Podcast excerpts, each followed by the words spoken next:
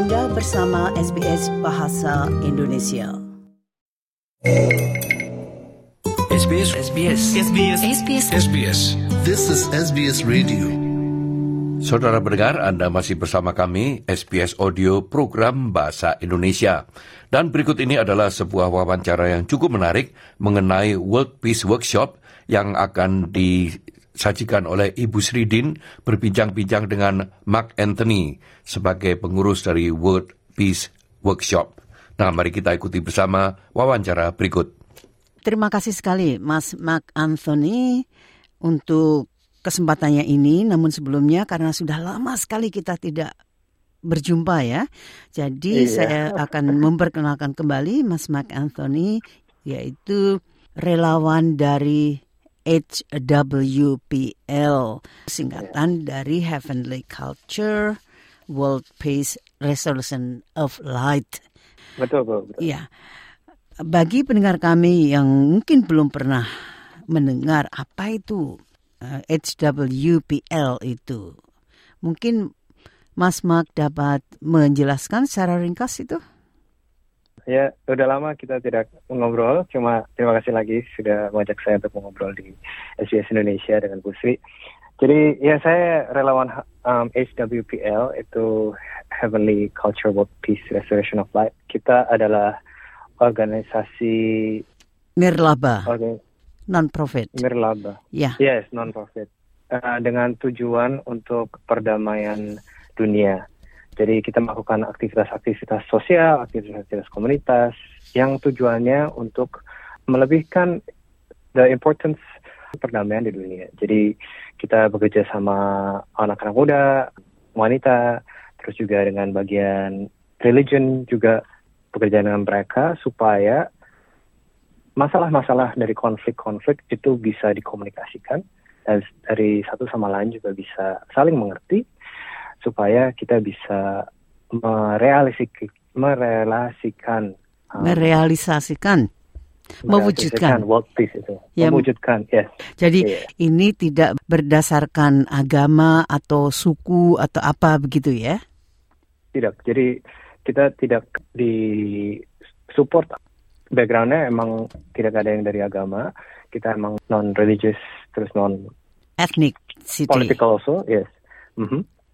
Tapi dari aktivitas-aktivitas kita yang mau kita realisasikan itu adalah dari perbedaan agama itu saling mengerti kenapa ada perbedaan itu dari berbagai macam culture kultur juga apa yang memperbedakan kita dan bagaimana kita bisa saling mengerti satu sama lain itu yang kita ingin wujudkan dari dari aktivitas-aktivitas kita tujuannya itu. Nah, tidak lama lagi HWPL itu akan menyelenggarakan yaitu suatu kegiatan kan itu?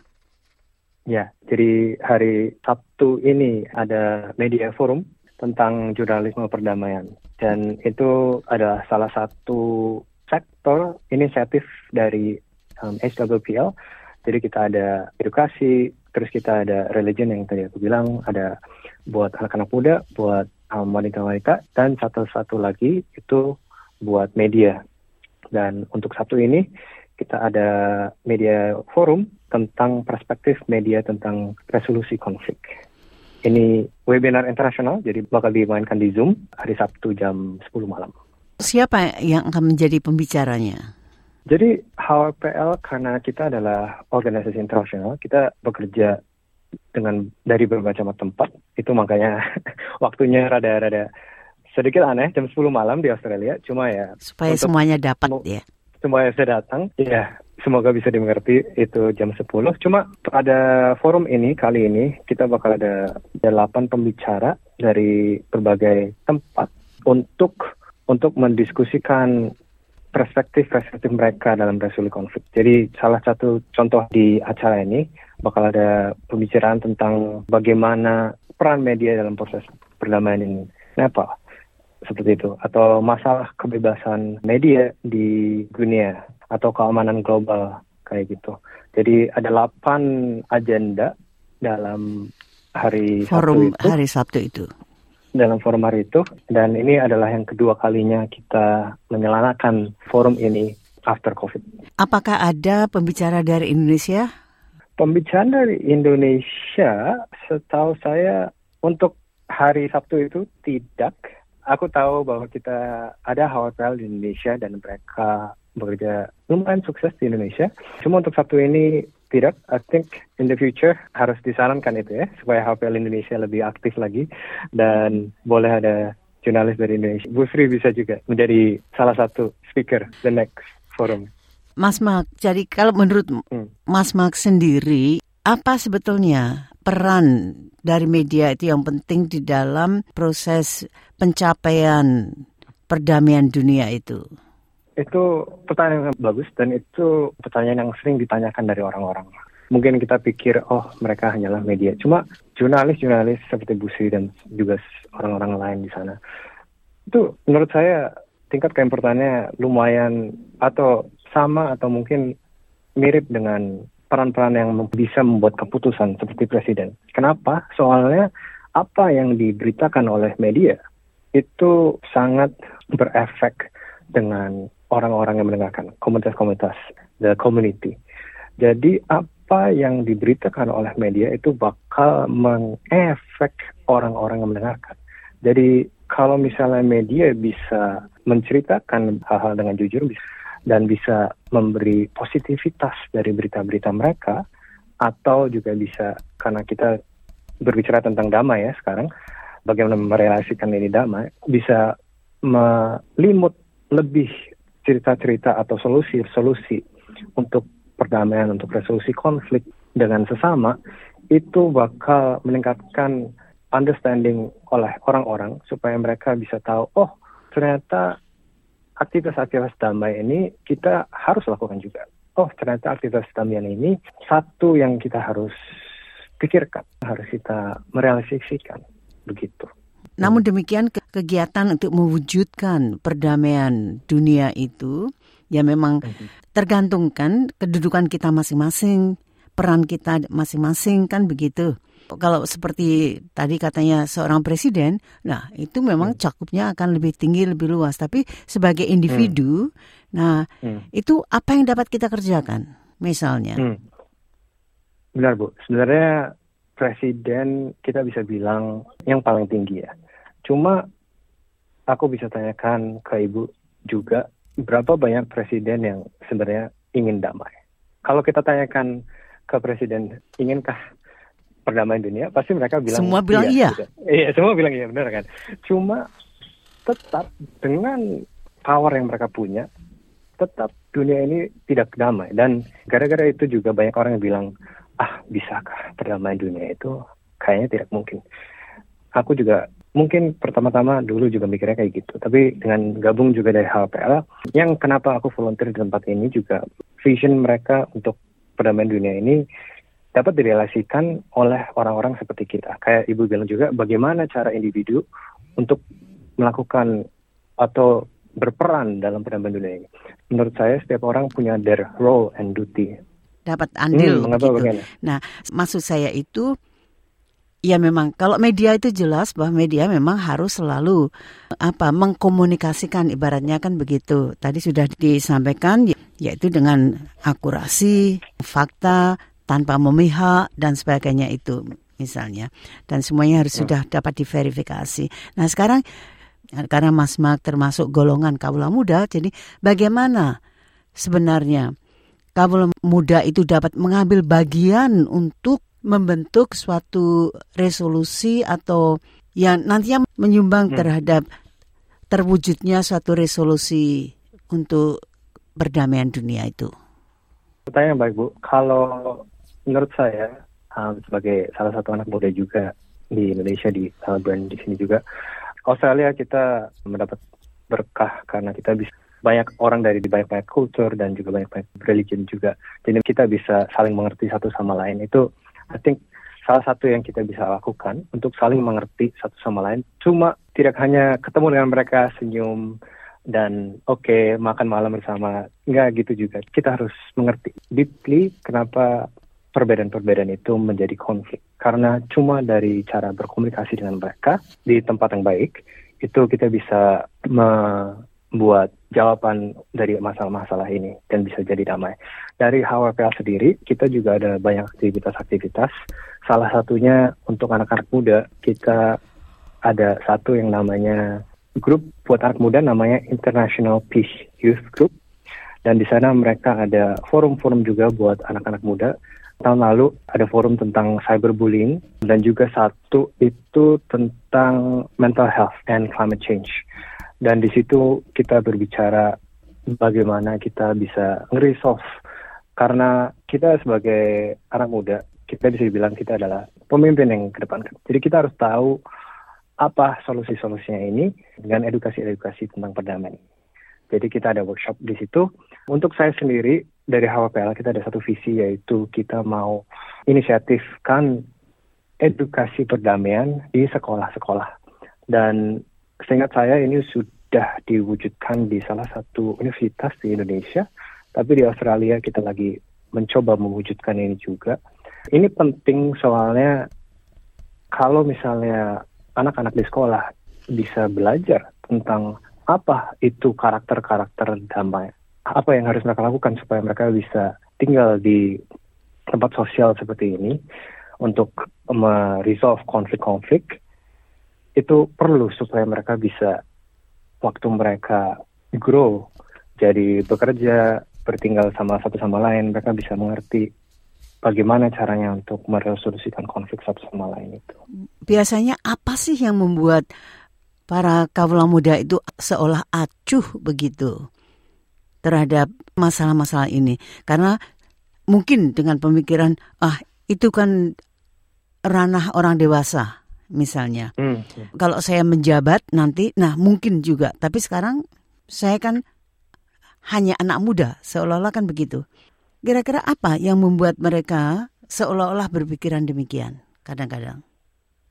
Ya, kita bisa mencoba mengerti juga mereka ya, karena ya saya juga untuk saling mengerti satu sama lain juga kita muda dan kita punya um, penginginan untuk berkarir, punya penginginan untuk um, berkeluarga dan kita berpikir itulah prioritas kita. Dan perdamaian dunia mungkin ya kalau kita udah cukup sukses itu bisa um, kita bisa donasikan sedikit mungkin sedikit untuk apalah aktivitas untuk perdamaian atau mungkin setelah kita sukses baru kita bisa melakukan aktivitas aktivitas ini. Cuman menurut saya itu pemikiran yang um, bisa lebih diperbaiki soalnya ini di mana actually peran media juga sungguh dibutuhkan karena banyak orang tidak hanya anak muda even orang-orang yang sudah dewasa juga berpikir damai orang lain yang bisa lakuin itu aku nggak usah. Aku hanya duduk aja di di di belakang. Aku atau nyumbang saja? konflik. Hmm, atau nyumbang aja. Aku duduk di belakang aja. Aku nggak membuat konflik itu mendamaikan dunia. Tapi sebenarnya setiap orang punya beda-beda value untuk mungkin keluarga mereka untuk komunitas mereka untuk negara mereka juga. Dan dengan itu kalau mereka punya berpikiran atau mereka bisa mengerti seberapa importance untuk aktivitas-aktivitas damai ini untuk direalisasikan, mereka bisa membuat perdamaian dunia lebih cepat. Tapi karena kita mikir, oh mungkin nanti saja, oh mungkin orang lain saja, karena itu banyak orang yang bilang perdamaian dunia itu nggak mungkin, mimpi aja kayak gitu. Dan peran dari media, again, sangat important. Tidak juga media, I think edukasi untuk di sekolah-sekolah itu juga um, important supaya even anak-anak dari muda juga diajarkan apa itu perdamaian dan apa itu dan perdamaian ini harus direalisasikan bukan duduk aja di belakang dan aku tidak membuat konflik itu damai bukan kayak gitu tapi aku harus menjadi peace messenger aku harus menjadi salah satu aktif mengambil bagian ya dari aktivitas perdamaian Ya, jadi Mas, kalau saya kembalikan kepada webinar itu nanti atau workshop itu nanti, itu pada ya. tanggal ya. 17 Februari ini jam 10 malam. Ya, benar. Satu lagi Mas, tadi dikatakan bahwa mungkin melalui edukasi, bagaimana mempopulerkan pendekatan edukasi ini? Banyak caranya menurut saya dari mana-mana untuk mempopulerkan sesuatu sosial media nomor satu. Tapi untuk di Melbourne kita sekarang lagi mencoba bekerja sama dengan komunitas-komunitas, cult, cult communities. Um, Indonesia mungkin bisa dibantu Bu untuk cult communities. Cuma komunitas-komunitas yang perlu bantuan. Jadi seperti kita ada di daerah west of Melbourne, itu mereka ada konflik di antara dua Shin Myanmar waktu itu. Jadi kita mencoba untuk berbicara dengan mereka untuk membuat workshop buat anak-anak mudanya. Um, tidak di sekolah, cuma di komunitasnya aja, supaya mereka bisa mendengar tentang apa itu edukasi tentang damai. Visinya untuk HPL adalah untuk kurikulum edukasi ini untuk dimasukkan sebagai salah satu kurikulum di negara. Dan ini sudah direalisasikan oleh Filipina actually di tahun ini di 2024. Jadi di Filipina kalau ada yang tahu di Mindanao itu ada konflik sangat besar dari agama Muslim dan Katolik. Tapi 2014 itu sudah membaik dan mungkin tidak 100% damai, tapi jejak-jejak pemudahan-pemudahan satu sama lain itu udah drop banyak sekali. Dan salah satu inisiatif yang dilakukan di Hawal di sana itu untuk anak-anak mudanya adalah edukasi tentang perdamaian ini. Dan tahun ini itu direlasikan dari Department of Education Filipina, jadi negara, bukan provinsi Mindanao, tapi seluruh negara untuk um, edukasi perdamaian yang dilakukan di di negara itu. Ya. Jadi sudah masuk dalam kurikulum itu ibaratnya langsung yeah. di bawah Kementerian Pendidikan itu. Kalau itu bisa dilaksanakan memang itu merupakan suatu langkah yang bagus kan? Karena hmm.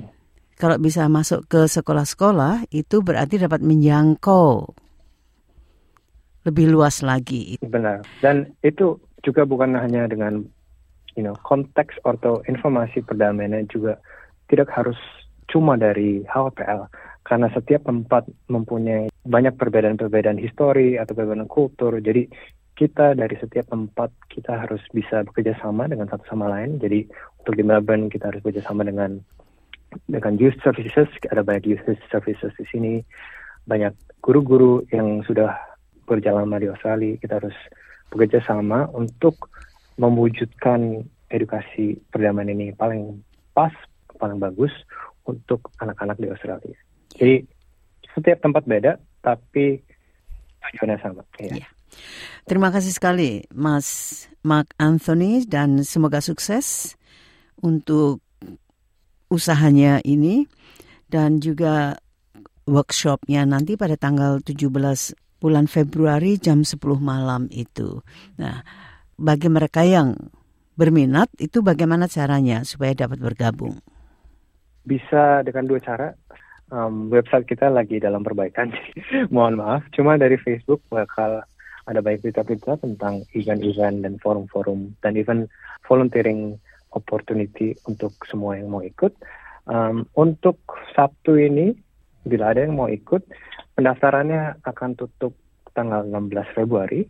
Cuma bisa kontak koordinator media HPL di Melbourne yaitu Saxon um, bisa ditelepon di 0402 424 500 itu 0402 424 500 dan Saxon bisa meregistrasikan bagi semua yang interest tentang forum itu.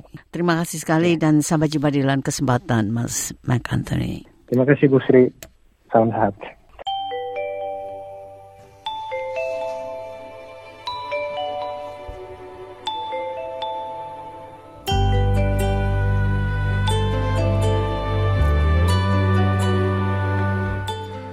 Nah, pendengar itulah tadi Ibu Sridin bersama dengan Mark Anthony berbincang-bincang mengenai World Peace Workshop yang akan diselenggarakan hari Sabtu ini pukul 10 malam.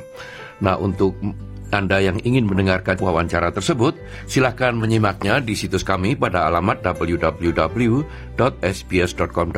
garis miring Indonesian.